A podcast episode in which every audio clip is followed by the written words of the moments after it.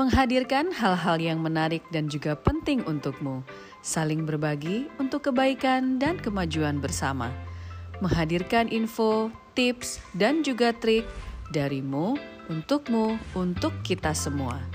It's all about you, it's all about passion. Nantikan Hexa Update hanya di Hexa Radio.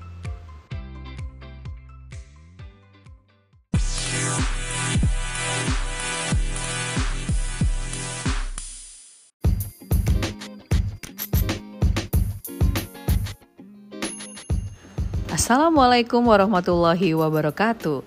Hai halo sahabat Hexa, selamat datang di Hexa Update, sebuah program yang menghadirkan banyak sekali info singkat, tips, dan trik yang menarik. So, stay tune hanya di Hexa Radio.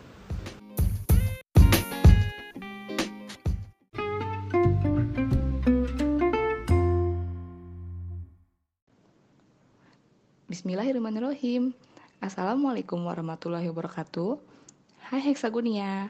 Kami dari co-house Biolifability yang merupakan co-house gabungan dari beberapa passion yaitu berbenah, berkebun, sustainable living, dan juga kecantikan akan sharing pengalaman kami terkait penerapan sustainable living dalam kehidupan sehari-hari. Saya, Lydia, akan sharing terkait penggunaan menstrual cup dalam kehidupan sehari-hari saya.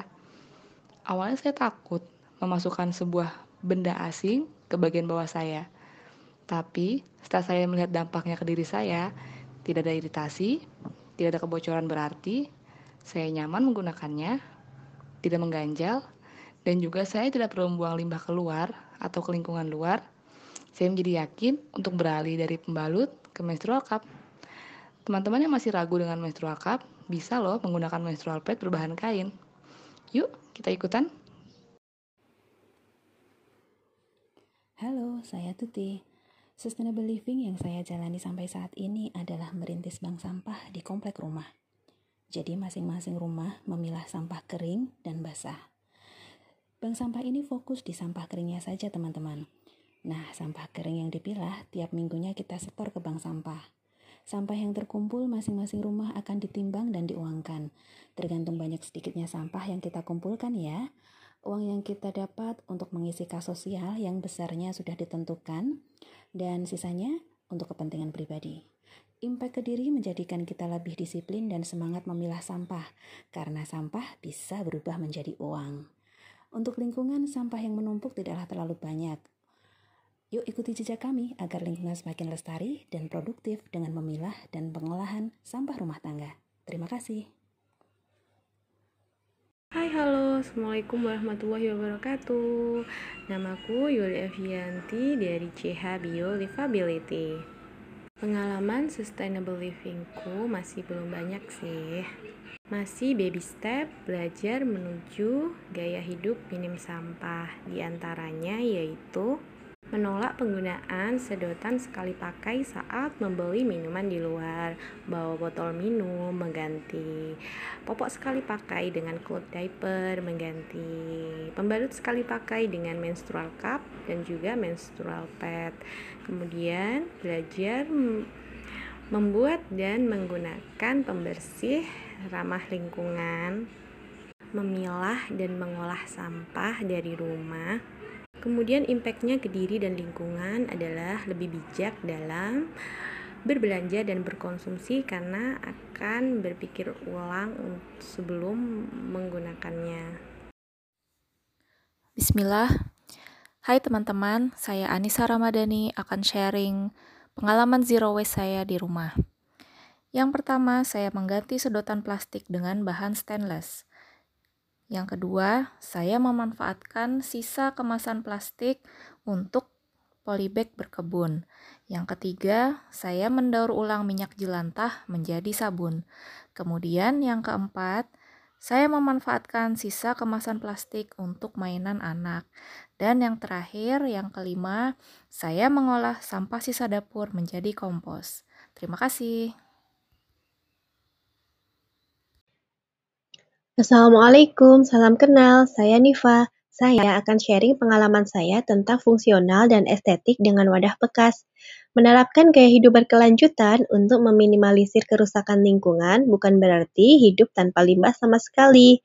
Setiap orang bebas memilih prosesnya masing-masing.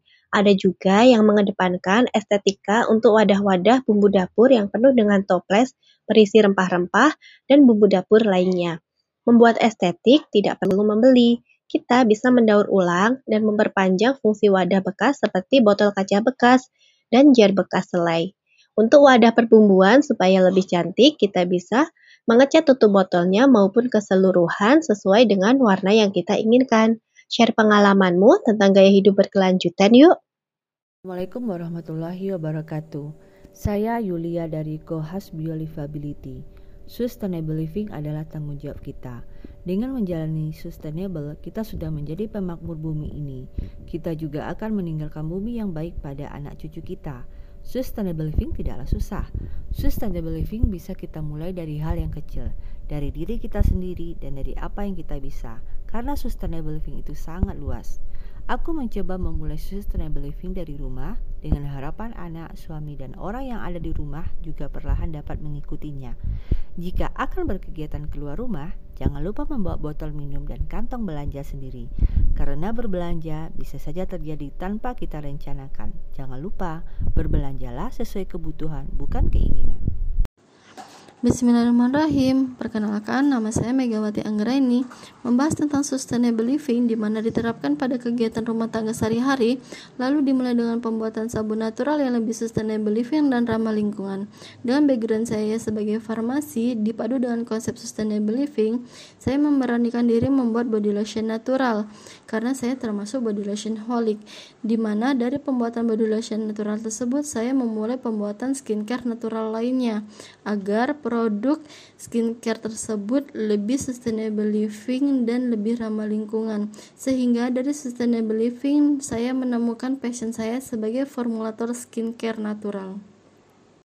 Berbicara mengenai sustainability, sustainability ini sebetulnya adalah sebuah isu global di mana uh, kita di sini, manusia di sini perlu untuk menjaga kelestarian bumi supaya uh, tetap bisa diwariskan nanti kepada anak cucu. Jadi di sini ketika uh, kita memandang uh, bahwa ini adalah sebuah konteks yang sangat besar, uh, maka kita juga bisa membreakdownnya dalam skala yang lebih kecil. Apakah itu dalam skala kota, dalam skala kawasan, ataupun ternyata skala rumah. Nah, di sini teman-teman dari co-host Biolivability mencoba untuk sharing bagaimana pengalaman uh, dalam menerapkan sustainable living ini. Uh, jadi kita bisa melihat sustainability ini sebagai sebuah gaya hidup, sebuah style untuk um, mempropagandakan berkelanjutan itu atau sustainability itu seperti apa. Uh, nah, um, kami harap ini juga bisa menjadi uh, inspirasi bagi teman-teman semua untuk yang ingin uh, mencoba baby step sustainable living. Terima kasih.